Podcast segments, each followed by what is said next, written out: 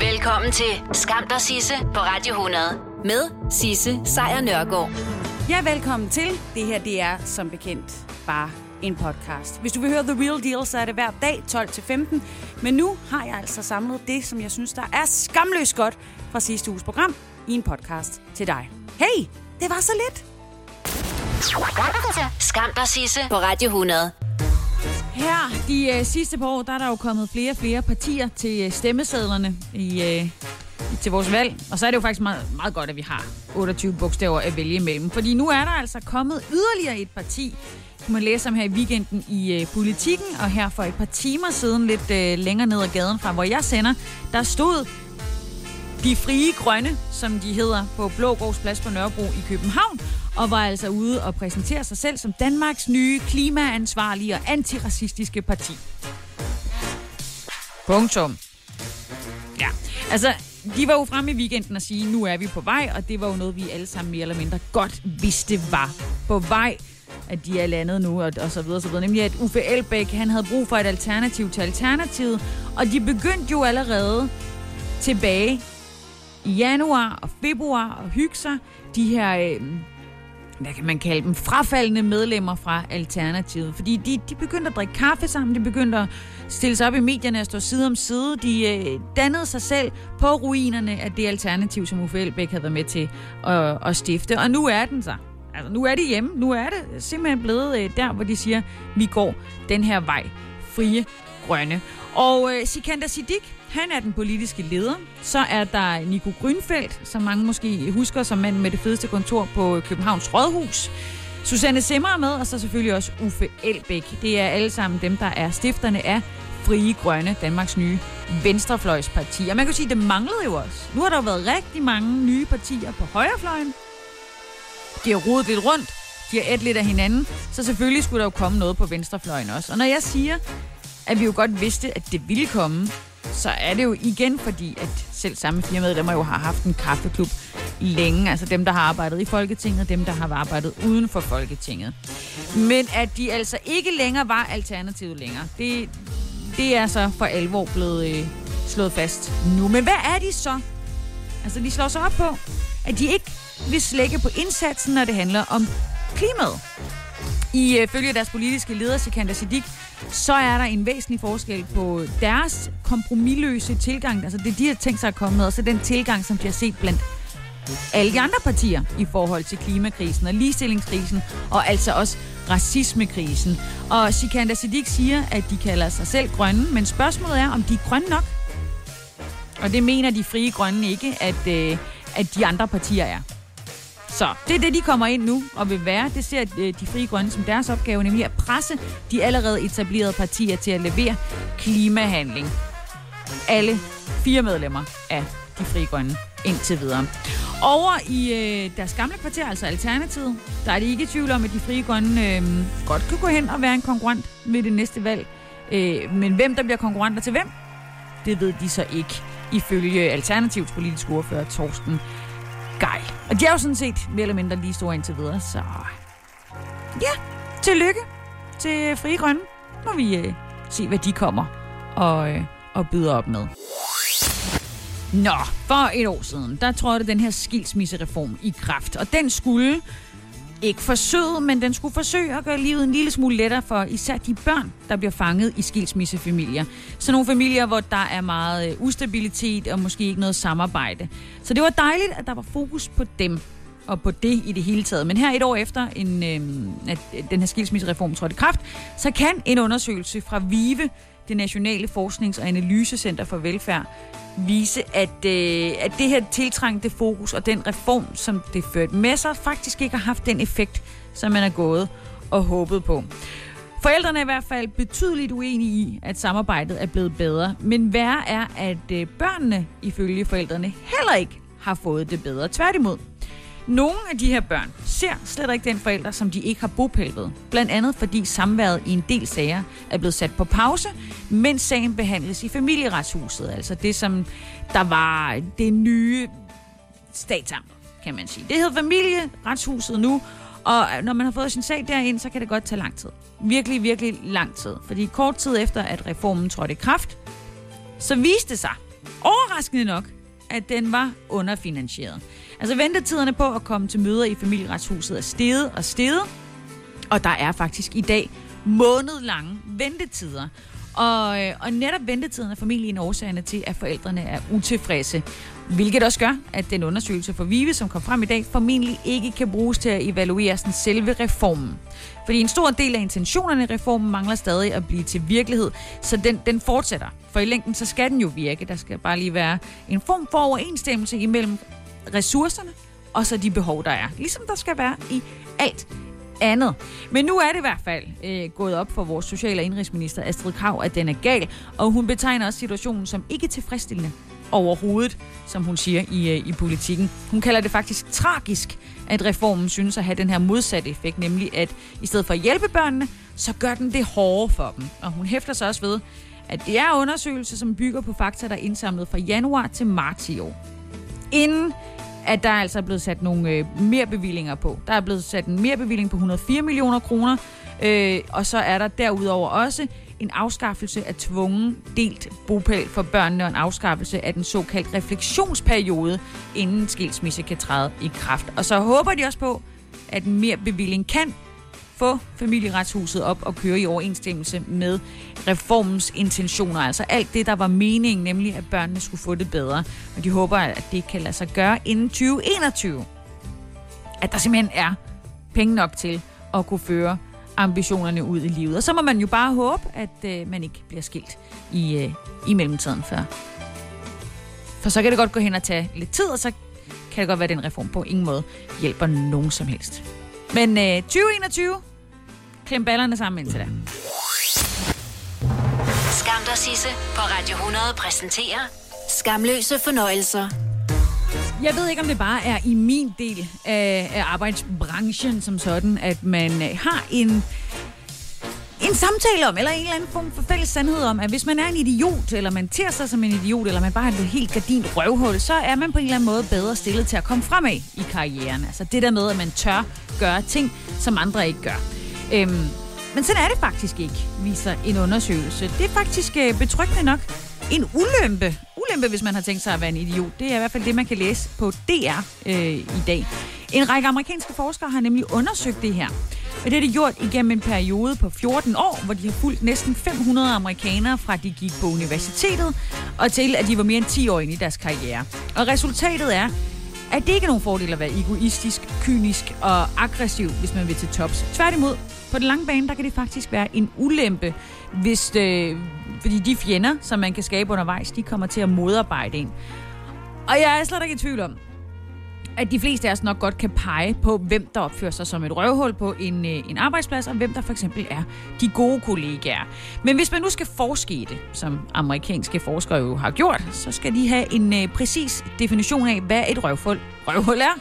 Øh, og der brugte de amerikanske forskere en øh, personlighedstest, den der hedder Big Five, eller femfaktormodellen på dansk, til at finde ud af, hvem der var røvhullerne. Dem, der scorede lavt på den faktor, som man i testen kalder venlighed, de bliver kategoriseret som røvhuller. Det er typisk en person med lav venlighed. Det er sådan en, som der opfører sig egoistisk, har svært ved at sætte sig ind i andres følelser, har en tendens til at konkurrere i stedet for at samarbejde osv. osv. Du kender godt typen, nemlig røvhullet. Og, og de amerikanere, som så scorede lavt på venlighed, viser sig altså lav på venlighed, højt på røvhul, som man siger, viser øh, ikke at være steget mere i graderne efter 14 år på arbejdsmarkedet, altså bevares med udgangspunkt i øh, nogle år på universitetet, og så 10 år ind i deres arbejdsliv. Der var de ikke steget i graderne.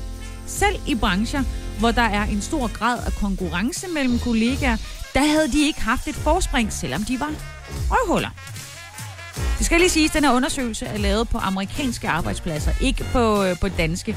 Herhjemme, der mener danske forskere, at vi øh, er mere lige og har lidt svært ved at acceptere folk med store armbevægelser, og har lidt svært ved at acceptere folk og røvhuller. Så det er måske endda endnu sværere herhjemme at være det, end det er i USA, hvor det nærmest er en del af jobbeskrivelsen for nogen. Men altså, du kan godt ånde lettet op. Det hjælper ikke. Og det, det gør ikke noget godt for kar- karrieren, når det røvhul, du arbejder sammen med, er et røvhul. Husk det. Og så husk at være venlig. Fordi det, det hjælper virkelig også på karrieren. Det, det viser den her undersøgelse. Smil og vær glad, og gør dit arbejde ordentligt. Og husk at arbejde sammen med nogle af de andre. Ja, dejligt at få den med på en mandag. Og det er ikke bare et hvilket som helst hul. Det er et kæmpe hul. Og det er et hul meget langt væk. Det er i det sibiriske område af Rusland. Det er jo sådan et sted, der er enormt, og der, der er jo meget få mennesker, der lever i den region, og derfor så kan man også bevæge sig i dagvis uden at støde på nogen eller noget usædvanligt. Så derfor så er der heller ikke nogen, der indtil nu har opdaget det her enorme hul i jorden. Men det er der altså nu, der er opdaget et 50 meter dybt kæmpe krater, som er opstået midt i øh, den sibiriske ødemark. Det er øh, opdaget her øh, for nylig, da et russisk tv-hold ved en tilfældighed fløj hen over det. Øh, og de har også øh, været ude og, og, og vise nogle billeder af det her enorme hul, som altså er den 17. Det 17. af sin slags, som er dukket op siden 2014. De her huller er ikke nogen, der skyldes for eksempel meteorer eller, eller andet, der kunne have ramt jorden ovenfra. Det er heller ikke 5G-nettet, og det er heller ikke et sted, hvor Bill Gates har dumpet alle dine informationer. Det er noget, der skal findes en forklaring på dybt nede i det frosne lag, der er i øh, den sibiriske ødemark. I det her frosne lag, der hedder permafrosten, som jo dækker store dele af Sibirien. Ifølge russiske medier, og øh, det siger jeg, øh, velvidende om jeg ikke har læst de russiske medier. Jeg har læst nogle britiske medier, der beskriver, hvad der står i de russiske medier. Men så skyldes de her krater sandsynligvis nogle øh, små gasophobninger, som danner sig inde i permafrosten. Og når de her gasophobninger, de så øh, eksploderer, så efterlader det sådan nogle øh, kæmpe huller her. Og i øvrigt det 17. af slagsen. Men øh, der er så mange ting her, som forskerne ikke helt er sikre på endnu. De ved ikke helt, om kraterne og bliver, øh, er, er kommet af det ene eller det andet, så derfor så bliver det selvfølgelig undersøgt. Der er også nogen, der mener, at det er de høje temperaturer, Sibirien har oplevet hen over sommeren, der, der muligvis kan have noget at gøre med, at den her permafrost ikke længere kan holde gasboblerne under jorden længere. Det er ikke sikkert, det, det er svaret. Der er nogle andre forskere, der mener, at det kan have noget at gøre med sådan en særlig landskabsform, der kaldes pingoer, som er sådan nogle forhøjninger i landskabet. De kan blive ret høje, og så findes, der, øh, altså, og så findes de ofte i sådan nogle områder, hvor der er permafrost. Og ind midt i pingoerne, der er der sådan en kerne af is. Altså det ligner lidt ligesom øh, ja, sådan nogle små mærkelige bakker. Lidt ligesom vores begravelseshøje herhjemme. Ikke? Ind i den, der er der så en kerne af is, og der mener man så, at der kunne være sket eksplosioner inde i de her pingoer fordi de sådan er blevet opbygget, der er sådan noget opbygget gas under isen. Men det ved man heller ikke med sikkerhed nu. Så. Selvom der så endnu ikke er blevet rapporteret om skader på mennesker i forbindelse med, at de her krater, de opstår, så kan de altså stadigvæk, de her krater, være skadelige på anden vis. Fordi gasserne, der siver op, består af CO2 og metan. Og det er jo lige præcis de gasser, som bidrager til drivhuseffekten og dermed klimaforandringerne og dermed til en fortsat opvarmning af permafrosten i, øh, i Sibirien og dermed til det visse endelige. Men, men det er der jo selvfølgelig heller ikke nogen, der, der ved med sikkerhed. Har du brug for sparring omkring din virksomhed? Spørgsmål om skat og moms, eller alt det andet, du bøvler med? Hos Ase Selvstændig får du alt den hjælp, du behøver, for kun 99 kroner om måneden. Ring til 70 13 70 15 allerede i dag. Ase gør livet som selvstændig lidt lettere. I Bygma har vi ikke hvad som helst på hylderne. Det er derfor, det kun er nøje udvalgte leverandører, du finder i Bygma. Så vi kan levere byggematerialer af højeste kvalitet til dig og dine kunder. Det er derfor, vi siger, Bygma. Ikke farmatører. Har du for meget at se til? Eller sagt ja til for meget? Føler du, at du er for blød? Eller er tonen for hård? Skal du sige fra? Eller sige op? Det er okay at være i tvivl. Start et godt arbejdsliv med en fagforening, der sørger for gode arbejdsvilkår, trivsel og faglig udvikling. Find den rigtige fagforening på dinfagforening.dk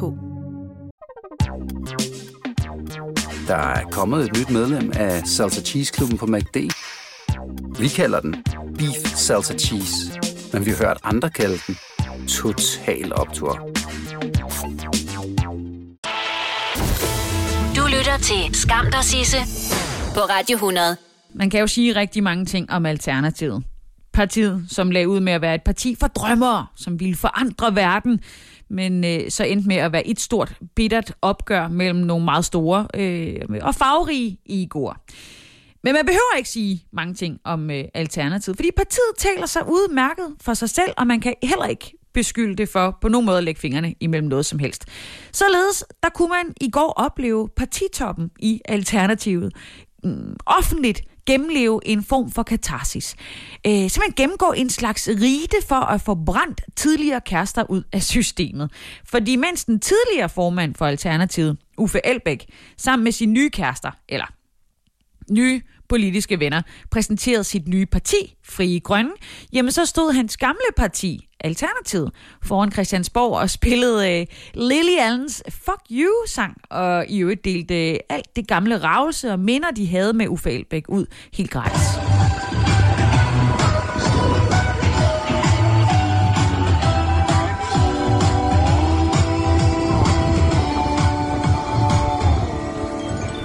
Ja, det er en af de forbipasserende, der har øh, filmet det her forrygende optog, hvor øh, partiets øh, forkvinde, Josefine Fock, hun stod og delte alle Uffe Elbæks efterladenskaber ud på allerbedste fuck you manier foran Christiansborg på en Christiania-cykel med højtalere. Det er fuldstændig genialt håndteret. Det vil jeg gerne sige herfra. I øvrigt, så kan man i dag, hvis man læser Berlingske, læse øh, den politiske kommentator Thomas Larsens nye analyse af partiet i dagens avis. Og øh, der kan man øh, læse, at Frie Grønne fremstår reelt som et nyt forsøg på at stable et politisk parti på benene fra den samme kreds, som i sin tid stiftede Alternativet. Og øh, det er både Sikander Siddiq, Uffe Elbæk og Susanne Simmer har fastholdt deres sæde i Folketinget, efter de forlod Alternativet i kølvandet på de mange indre opgør og magtkampe, som splittede partiet. Og netop denne forhistorie vil gøre det svært at forvandle Frie Grønne til en succes. Mange vælgere vil huske, hvordan Alternativet sank ned i kaos og personopgør, og de vil ikke have glemt, hvordan partiet, der ville lave politik på en ny og idealistisk måde, endte med at blive en ond karikatur af sig selv. Og ja, nu er jeg jo ikke politisk ekspert. Men det er faktisk også min analyse indtil videre.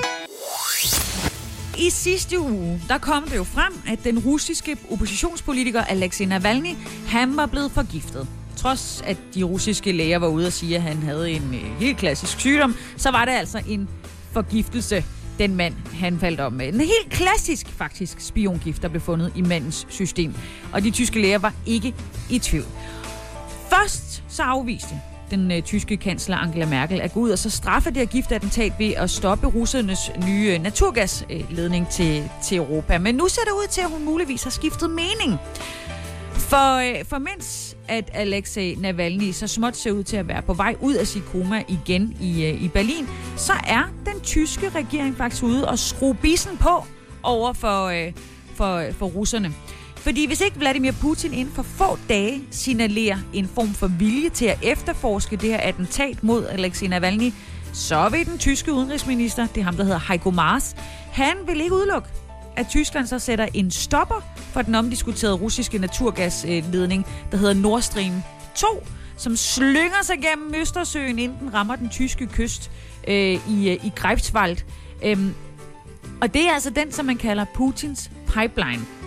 Nogen gør. Jeg gør, fordi det lyder federe end Nord Stream 2. Og den er altså så godt som færdig, men der mangler altså, som sagt, 150 km rør på havbunden. Og det er der, tyskerne kommer ind, fordi der kan de sige, nej, nicht heute, Putin. Heiko Maas er nemlig ude at sige i et interview med Bild am Sonntag, at han ikke håber, at russerne tvinger tyskerne til at ændre holdning til Nord Stream øh, 2. Altså, at de ikke tvinger tyskerne til at sige, det må I ikke. Øhm, og at de har store forventninger til, at den, tyske, eller den russiske regering opklarer forbrydelsen mod Alexei Navalny. Øh, Heiko Maas, altså udenrigsministeren, han ser også, at der er flere indicier på, at den øh, russiske stat står bag angrebet på Navalny, som jo er, var den russiske oppositions mest prominente figur, og dermed også Putins værste indrigspolitiske fjende. Ja, hvis du lige har glemt det, så var det altså den 44-årige Alexei øh, Navalny, som her for et par uger siden fik et voldsomt ildebefindende, da han sad på et fly, der var på vej fra Sibirien til Moskva. Han har været i Sibirien for ligesom at opildne arbejdere øh, til at, at lade være med at stemme på Putin. Piloten blev nødt til at nødlande i Omsk. Der blev Navalny så indlagt i to dage, inden han så blev fløjet til behandling i Berlin. Og et tysk militærlaboratorium slog øh, ret hurtigt fast, at Navalny var blevet forgiftet med den her dødsensfarlige nervegas, der hedder Novichok, som blev opfundet på sovjetiske laboratorier tilbage i 1970'erne. Det er et indicium, mener Heiko Maas. Et andet er, at den russiske efterretningstjeneste GRU, det er det, den hedder, øh, for et par år siden brugte den samme gift, altså Novichok, mod en anden øh, afhopper, om man vil, en russisk spion, Sergej Skripal og hans datter. Men altså, selvom jeg synes, at det er virkelig hardcore sejt, at tyskerne spiller med musklerne her, så har jeg meget svært ved at se, at den russiske regering bare kommer ud nu og siger, da da, det var os, stik os nu den pipeline. Skamløse fornøjelser. Det kommer jo på ingen måde som en nyhed, det her, men alle kan blive smittet med coronavirus. Tada! Og det viser sig især, at når man er øh, til fester, så smitter det som om, det som, smitter bare mere. Det gør det. For eksempel så blev 30 smittet efter en fødselsdagsfest herhjemme for nylig. Altså ikke hos mig, men i Danmark. Det var i hvert fald, hvad øh, Magnus Heunicke, vores sundhedsminister, han øh, oplyste i går på et, øh, et pressemøde. Derfor ingen fester, tak, i København, i Odense og i de 18 Vestegns kommuner, der ligger rundt om København, fordi I, ja, det smitter, vi gider ikke mere, hold nu op. Så det gælder for alle jer, der gerne vil til fest. Det gælder i øvrigt øh, også for de rige og de smukke. Og men, det er for sent for The Beckhams. Ja, The Beckhams. David og Victoria Beckham. Fodboldspiller og ex-Spice Girl. Og hvis du er under 35, hvis du er under 30, hvis du er under 25, hvis du ikke kender til dem, så må du google dem, fordi det er et verdenskendt par. Og de skulle altså efter sine være blevet smittet med coronavirus tilbage i marts, efter at de havde festet i LA i USA. Det er et øh, britisk medie ude at påstå, det er det, der hedder øh, The Sun. Og øh, det er altså noget, de kommer frem med, efter de har fået det bekræftet af nogle venner tæt på parret, mens øh, parets egen talsmand afviser at kommentere på sagen, men afviser i øvrigt ikke, at de har haft coronavirus. Men, men det, at de har haft coronavirus, er i sig selv ikke sådan specielt øh, dumt. Altså, det er jo, hvad der sker, ikke? Men den måde, de håndterede det på, er måske ikke skide smart. Fordi ifølge de her medier, der har, været, der har den her sag med i dag, så kan de fortælle, at den 45-årige øh, David Beckham og hans 46-årige øh, Victoria Beckham, de blev smittet i begyndelsen af marts, efter de har deltaget i en række festlige arrangementer. Øhm, derefter, så fløj de til England for at fejre deres søn. Han, øh, han havde 21 års fødselsdag. Og efter det, så fløj de så tilbage til USA. Så de har ikke bare rejst rundt i USA. De har været i Miami, så har de været i England, og så har de været i LA til fester.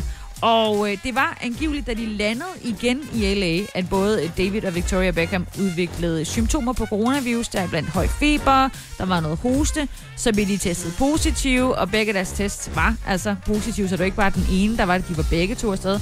Og derudover så nåede de faktisk også at smitte både flere medarbejdere og flere familiemedlemmer.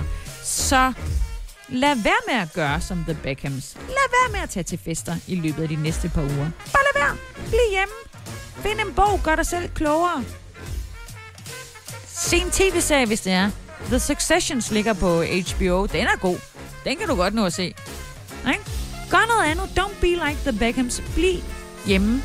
Kom til Spring Sale i Fri Bike Shop og se alle vores fede tilbud på cykler og udstyr til hele familien. For eksempel har vi lynedslag i priserne på en masse populære elcykler. Så slå til nu. Find din nærmeste butik på FriBikeShop.dk Har du for meget at se til? Eller sagt ja til for meget? Føler du, at du er for blød? Eller er tonen for hård? Skal du sige fra? Eller sige op? Det er okay at være i tvivl. Start et godt arbejdsliv med en fagforening, der sørger for gode arbejdsvilkår, trivsel og faglig udvikling. Find den rigtige fagforening på dinfagforening.dk Harald Nyborg. Altid lave priser. Adano robotplæneklipper kun 2995. Stålreol med fem hylder kun 99 kroner. Hent vores app med konkurrencer og smarte nye funktioner. Harald Nyborg. 120 år med altid lave priser. Haps, haps, haps. Få dem lige straks. Hele påsken før, imens billetter til max 99.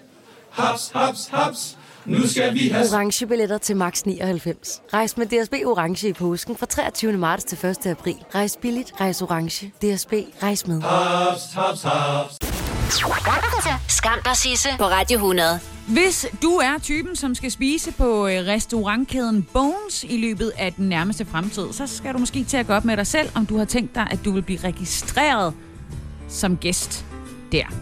Ret beset, så er det jo ikke noget nyt, at du bliver registreret. Altså, din telefon registrerer dig i hver evig eneste bevægelse, som du foretager dig. Når du er ude at handle, når du arbejder, når du pjekker, når du ser porno ude på badeværelset, når du øh, er steder, du bør være, når du er steder, hvor du ikke bør være. Al den data, som du er på din telefon, det er logget, og du kan godt glemme alt om at være stealth på, øh, på bøfhus. Men vil du også have derudover, at øh, restauranten nedfælder, at du er hos dem? Det skal du til at gå op med dig selv. Fordi for næste uge, der vil man på restaurantkæden Bones øh, 25 restauranter her i Danmark simpelthen også blive øh, spurgt om, når man bliver spurgt, om man vil have husets vin, eller man vil betale lidt mere, så skal man også simpelthen finde ud af, at man vil øh, registrere sine kontaktoplysninger. Kædens direktør, det er ham, der hedder Jan Winter Laversen, han forklarer, at det er sådan noget, de kommer til at gøre, fordi de har et ønske om at kunne kontakte gæster i tilfælde af, at der er en eller anden form for registreret smittespredning. Altså hvis I alle sammen mødes hen over den samme buffet eller over i softicebaren, og en af jer har coronavirus, så er det meget fedt lige at kunne finde ud af, hvem der har været der på samme tid. Og det er altså en beslutning, som Bones har taget her, her efter øh, øh, pressemødet i mandags, hvor øh, Magnus Heunicke, vores sundhedsminister, var ude og sige, han synes, at restauranter og caféer skulle til at tilbyde gæster at registrere deres kontaktoplysninger. Og det med registrering, det er jo, trods det sker konstant via din telefon og på alle mulige andre måder, så er det jo ikke noget, restauranterne som sådan arbejder med ellers. Så Horesta, deres øh, arbejdsgiverforening, de vil rigtig gerne have nogle klare retningslinjer. Man skal nemlig være ret forsigtig, hvis man indsamler personlige oplysninger om danskere. Øh, der er alle mulige love, der skal beskytte os. Og, og der er ifølge Horesta, der er ikke rigtig nogen afklaring på, hvor restauranterne kan aflevere de her oplysninger, hvilke oplysninger der er brug for, og hvordan det skal bruges. Så der står de jo så. Altså restauranter og caféer kan ikke bare give hvert inden i døren et stykke papir, og så beder om at notere alle gæsternes navne, adresser og telefonnummer. Sådan foregår det ikke. Derfor så understreger Jan Winter Laversen, som jo stadigvæk er Bones' direktør, øhm, at de på Bones arbejder på sådan en løsning, så persondataloven den bliver overholdt. De vil have sådan en løsning, hvor de elektronisk kan sikre sig, at den data, som de indsamler, den bliver slettet inden for kort tid. Helt hvordan ved de ikke endnu, men planen er, at de formentlig kommer til at gemme dit navn i fire uger efter, du har spist på Bones. Det er fire uger. Og så kan du gå videre i dit liv derfra. Så selvom mandagens pressemøde især handlede om de her restriktioner i 18 af landets kommuner, så understreger Bones' direktør Jan Winter Laversen, at muligheden for at registrere sine kontaktoplysninger kommer til at være på alle Bones' restauranter, uanset hvilken kommune de er i. Så du kan ikke bare drøne til en anden kommune, hvis det er. Og men, man godt kan køre langt for en god softice. Dagens skamløse øjeblik. Der er ret gode odds for, at du allerede øh, kender til Kim, Kylie, Kendall, Chloe eller Courtney, og at du i den grad er bekendt med deres efternavn, nemlig Kardashian. Altså The Kardashians. En af verdens absolut mest kendte familier, som igennem de sidste mange, mange år har levet deres liv foran rullende kamera. Det har været underholdende, har det. Selvfølgelig har det det, for ellers ville så mange mennesker ikke se med. Familien her er jo bosat i eh, LA, altså i, i Kalifornien. De er smukke, de er rige, de er gift med eh, kendiser, og i sig selv efterhånden er de jo også ved at være verdensstjerner. Og så har de jo helt almindelige problemer, som du og jeg. For eksempel, at deres stedfar vælger at, at blive en kvinde, hvilket i sig selv ikke er et øh, problem, men som kan være et problem, når det skal løses i en familie.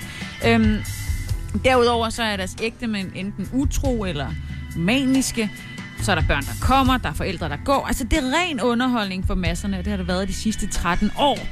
Og hvis du stadigvæk er i tvivl om, hvad det egentlig handler om, så, så kan jeg faktisk ikke gøre dig meget klogere end at sige, at familiens kvindelige overhoved, det er en kvinde, der hedder Christiana. Hun var tidligere gift med en fyr, en topadvokat, som blandt andet har arbejdet for O.J. Simpson. Han hedder, eller hed, han er død nu, Robert Kardashian. Hun fik fire børn med ham. Courtney, Kim, Chloe og Robert Kardashian. Og så var der ellers grobund for en god serie der. Så kom der flere børn til, andre gik, og det, er, det kører derud af. Men nu er det slut. Fordi serien Keeping Up with the Kardashians, den kommer til at stoppe. Og det gør den altså med en sidste sæson, der udkommer næste år. Og det sker efter 20 sæsoner, 14 år på skærmen. Det er ret meget. Og det er jo en serie, som i den grad har været med til at skyde deres karriere, altså Kardashian-søsternes karriere, i gang. De har øh, et liv inden for mode- og skønhedsindustrien, og, og de er også øhm, måske nok en af de største eksempler på, at man kan blive kendt for at være kendt. De er kendte for at være kendte. Det er præcis det, der er sket med dem. Det var også Kim Kardashian, sådan måske den øverst kendte, som øh, har været ude og sige, at det er med tunge hjerter, at de som familie har besluttet, at nu skulle det være farvel til det. Og ifølge Reuters, så har Kardashian-familien heller ikke givet nogen videre begrundelse for beslutningen, andet end, okay, det er 20 sæsoner, det må være nok, ikke? Det har de så ikke sagt. Nu vil de leve deres liv uden for, øh, for, for kameraerne, hvilket er vildt nok, når man tænker på, at familien lever af at dokumentere sig selv på de sociale medier. Men derudover, kæmpe tillykke. De er også efterhånden okay øh, rige og kan nok klare sig selv, om de ikke behøver at få betaling for et, øh, et show. Øh, for eksempel så har, øh, har de ret meget gang i tingene. Altså, de har oplevet ret mange spændende ting. Mm, der var blandt andet øh, Kim Kardashian, som er blevet øh, gift med rapperen Kanye West. Så har der været et væbnet røveri i Paris. Khloe Kardashian havde et, et, et, et forhold til en basketballspiller, Lamar, som så røg helt øh, helvede til. Så var der selvfølgelig Bruce Jenner, der blev til Caitlyn Jenner. Og ja, det har været øh, op- og nedtur igennem de sidste mange år. Nå ja, kæmpe optur også, da, da halvsøster Kylie Jenner blev dollarmilliardær i en alder af 21 år. I foråret, der blev der jo delt hjælpepakker ud hele vejen rundt, for ligesom at sørge for, at vores erhvervsliv ikke crashede under vægten af coronakrisen. Blandt dem, der modtog hjælp, der var jo øh, blandt andet bestseller, altså den her tøjkæde, som er over hele verden, og som er en gigantisk succes, og som styres af Anders Holt Poulsen. Han fik rigtig meget skæld ud på det her tidspunkt, fordi han modtog hjælp, men også nægtede at betale sin husleje for de mange butikker, som måtte holde lukket hen over lockdown. Og øh, selvom han så senere hen sagde, at jeg gjorde det forkert, så var der alligevel en lidt dårlig lugt omkring det bageri. Men det var der. Nu er nu, og i dag der er nyheden af bestseller og 171 andre selskaber faktisk har sendt deres lønhjælp retur. Frem til den 2. september, der har 171 selskaber herhjemme, ifølge en opgørelse fra Erhvervsstyrelsen, tilbagebetalt den hjælp til staten, som de fik. Og nu er bestseller altså en af dem, der bliver fået til den liste, det skriver børsen. Blandt de her virksomheder, som har valgt at tilbagebetale den kompensation, de kunne dele ud til deres øh, medarbejdere, der er blandt andet øh, øh, Unibrew, altså Royal Unibrew, så er der Jysk, så er der Matas, og flere af de her virksomheder oplyser, at de her tilbagebetalinger sker, fordi der simpelthen er gået økonomisk bedre, end de havde regnet med, at det ville gå i foråret. Midt i marts, der var forventet ejeren af bestseller, altså Anders Holt Poulsen, et underskud i årets regnskab. Men det er så ikke sket. Og i en øh, pressemeddelelse, der skriver han, at regnskabet godt nok ikke er kønt, men det er positivt. Så øh, hvad positivt betyder at være kønt og, og så videre, og så videre. Det, det ved vi ikke noget om endnu. Det er ikke offentliggjort endnu, det her regnskab, og det er ikke øh, sikkert øh, endnu, hvad øh, overskuddet lander på. Men de 171 virksomheder, som har tilbagebetalt indtil videre, øh, har leveret det tilbage i statskassen, som svarer til 76,9 millioner kroner. Og når bestseller så oveni også øh, smider deres penge tilbage, så er det en returnering på 81 millioner kroner, hvilket gør, at vi er jo oppe på det dobbelte. Altså næsten 160 millioner kroner, der bliver betalt tilbage i lønkompensation. Som jo blev indført, fordi store dele af samfundet lukkede ned i foråret. Og det blev indført for at undgå massefyringer. Og så gik det altså bedre, end man havde regnet med. Meget bedre, åbenbart. Så meget, at man kan betale det hele tilbage. Det er stadigvæk muligt for virksomheder at betale øh, de her penge tilbage, de har fået gennem lønkompensationsordningen. Øh, Så derfor så kan den her liste over selskaber, som øh, betaler penge tilbage til staten, den kan altså nå at vokse yderligere. Men det var 171 selskaber ind til videre. Dagens skamløse øjeblik. Disney har lavet filmen Mulan igen. Men den her gang, der har de altså indspillet den med rigtige mennesker i det rigtige Kina, og det har gjort filmen rigtig upopulær. faktisk. I hvert fald så er indspilningen her havnet i et stormvær, og den her gang på grund af rulleteksterne efter filmen, men inden da, der var der nogle andre ting, der gjorde det. Men lad os lige starte med den seneste udvikling. Fordi flere af filmens scener er optaget i Xinjiang, provinsen i det vestlige Kina. Det er en, øh, en lidt hemmelig provins, hvor der angiveligt bliver holdt over en million uigurer og andre etniske minoriteter øh, tilbageholdt i, øh, i det, som styret i Beijing kalder for uddannelsescentre. Og det er meningen, det skal modvirke ekstremisme og terrorisme. Det, der angiveligt sker, er, at øh, ja, de forsøger simpelthen at, at, at genopdrage de her mennesker med tvang og indoktrinering, øh, hvor de øh, kinesiske myndigheder kræver, at de etniske minoriteter aflægger deres sprog, deres religion, deres kultur. Der er endda tale om, at man tvangssteriliserer kvinder og mænd, så de ikke længere øh, kan få børn. Det her, det er ikke i orden. Det kan enhver godt høre, det er ikke i orden. Efter filmen så fik, fik øh, premiere i fredags, der har flere øh, seere af filmen opdaget, at Disney i rulleteksterne til Mulan sender en særlig tak til flere af de statslige kontorer i den her region. Blandt andet det statslige sikkerhedsbyrå i byen Turpan, hvor flere af lejrene skulle ligge. Og, og det har så fået rigtig mange på de sociale medier til at opfordre, at man simpelthen boykotter at se den her film. Fordi de mener, at Disney på den her måde er med til at sige, ja, det er okay, at den kinesiske stat opfører sig som uhyre over for de her etniske minoriteter i landet. Disney takker derudover også jo et Public Department of CPC Xinjiang Uyghur Autonomous Region Committee, som åbenbart er det kommunistiske partis propagandakontor i Xinjiang. Altså, de er, de er helt ublu, Disney. Fuldstændig. Så Disney har med andre ord været under tøflen i Kina, og det kan rigtig mange fans af demokrati rundt omkring i verden simpelthen ikke lide. Godt lide Disney-figurer, men de kan ikke lide Disneys måde at lave politik på på den her måde. Det er så ikke kun den eneste ting, der er sket. Mulan har allerede været i stormens øje, fordi hovedrolleindhaveren, hende der spiller Mulan, hende der er vores held, Liu Yifei, mener jeg hun hedder, hun er ved ude at sige, at hun faktisk støttede politiet i Hongkong, som jo er blevet kritiseret for sin behandling af, af de her pro-demokratiske demonstrationer i den tidligere britiske koloni. Hun har med andre ord været ude at sige, at hun synes, demonstranterne var nogle idioter, politiet var nogle venner. Det er heller ikke helt i orden. Og DR har talt med Andreas Sten, som er professor i Kina-studier på Aarhus Universitet, og han fortæller, at han simpelthen ikke mindes, at han før har set en lignende sag, hvor en film har takket statslige sikkerhedsorganisationer i Kina for at have hjulpet med filmproduktionen.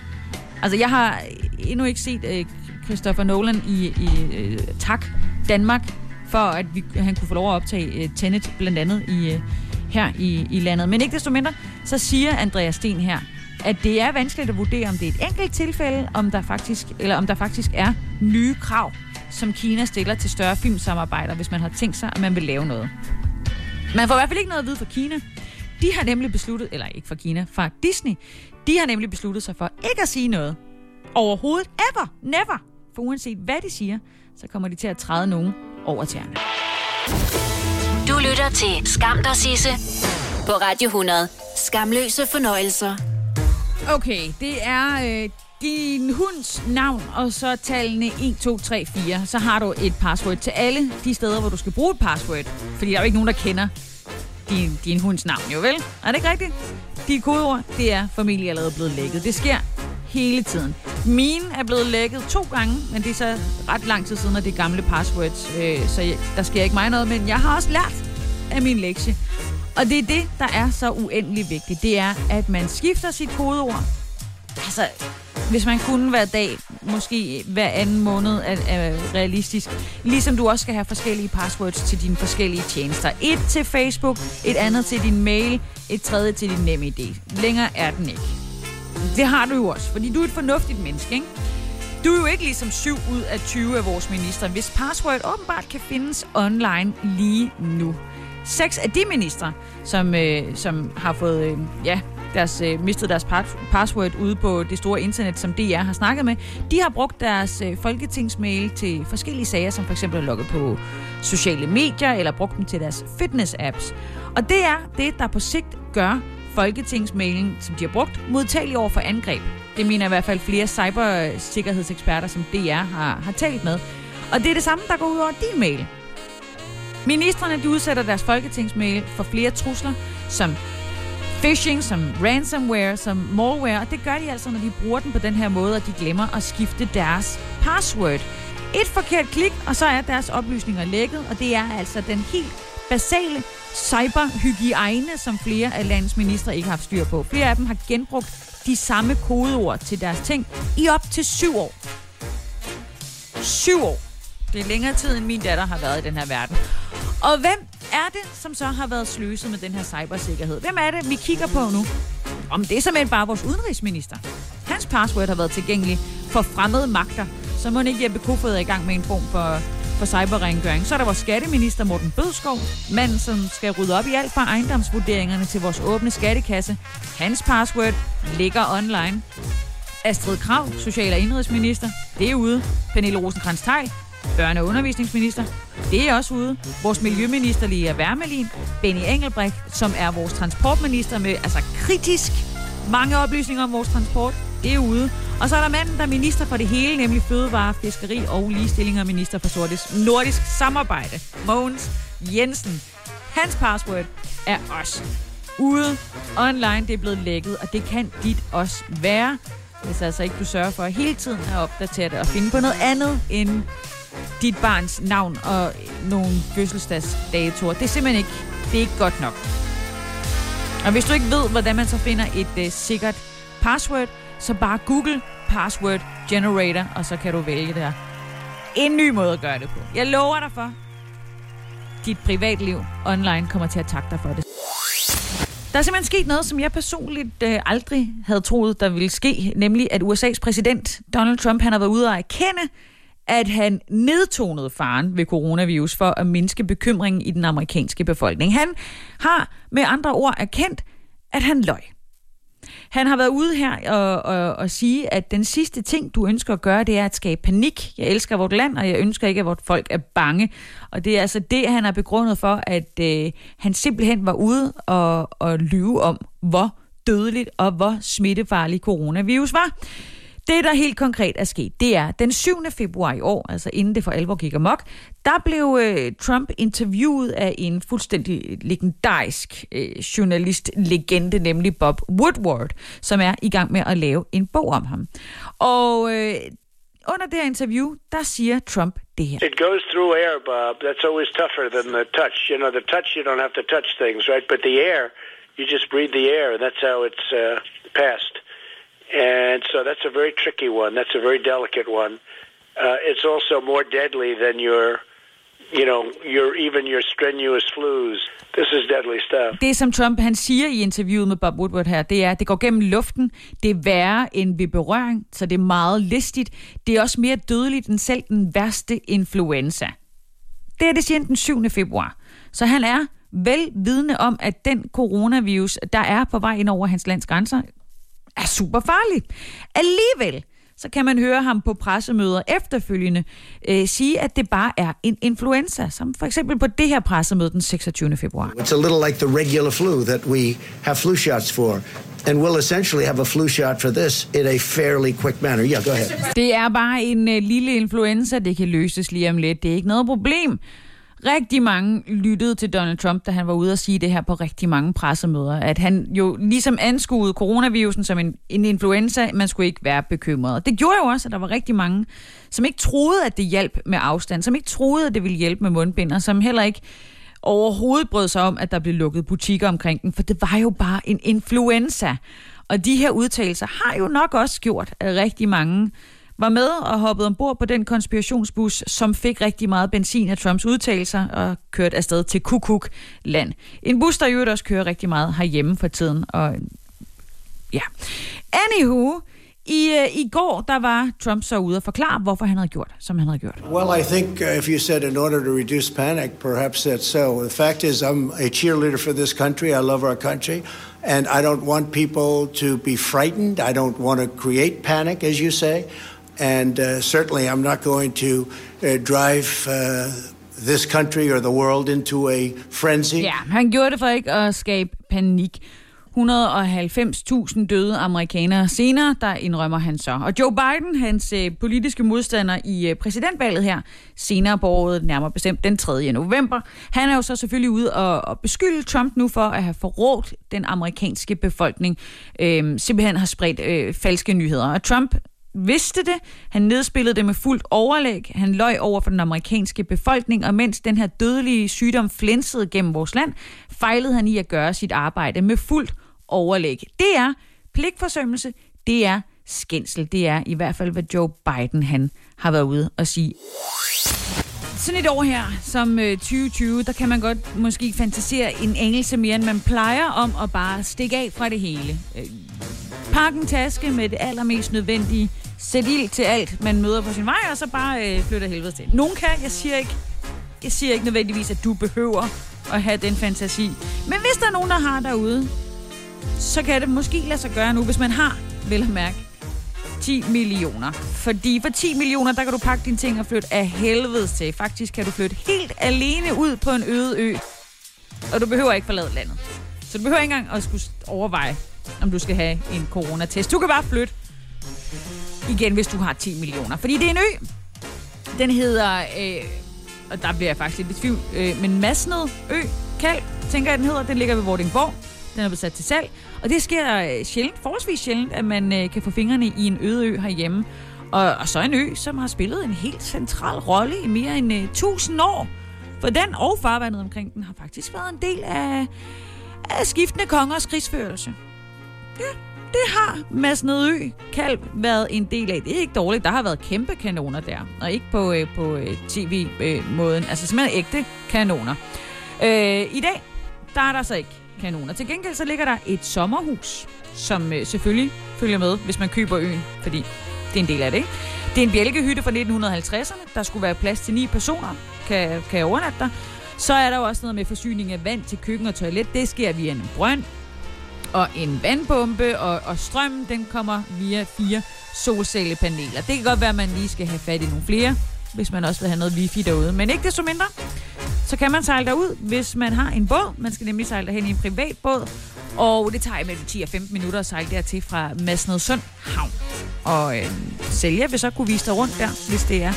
Øh, det er et sted, der har et rigt fugleliv. Der skulle være gode øh, forhold til lystfiskeri, hvis man er til den slags. Så man kan jo faktisk være selvforsynende hvis man orker. Øh, mellem, øh, mellem øh, kalven her, altså Mads Ø kalv og øh, Mads Ø i sig selv, der går der en strøm, hvor øret samles. Så der kan man fiske både øret og hornfisk. Sidstnævnt, det skulle være en, en, en pretty big deal, hvis man altså gider fjerne alle de der ben, der er i det. På stranden, der kan man også finde fossiler, der er mange ynglende fugle på øen, som, som for eksempel er sådan noget som ænder og svaner. Og du får altså for 10 millioner 23.254 kvadratmeter ø lige ned i lommen. Så hvis du er interesseret, skal du bare øh, købe den.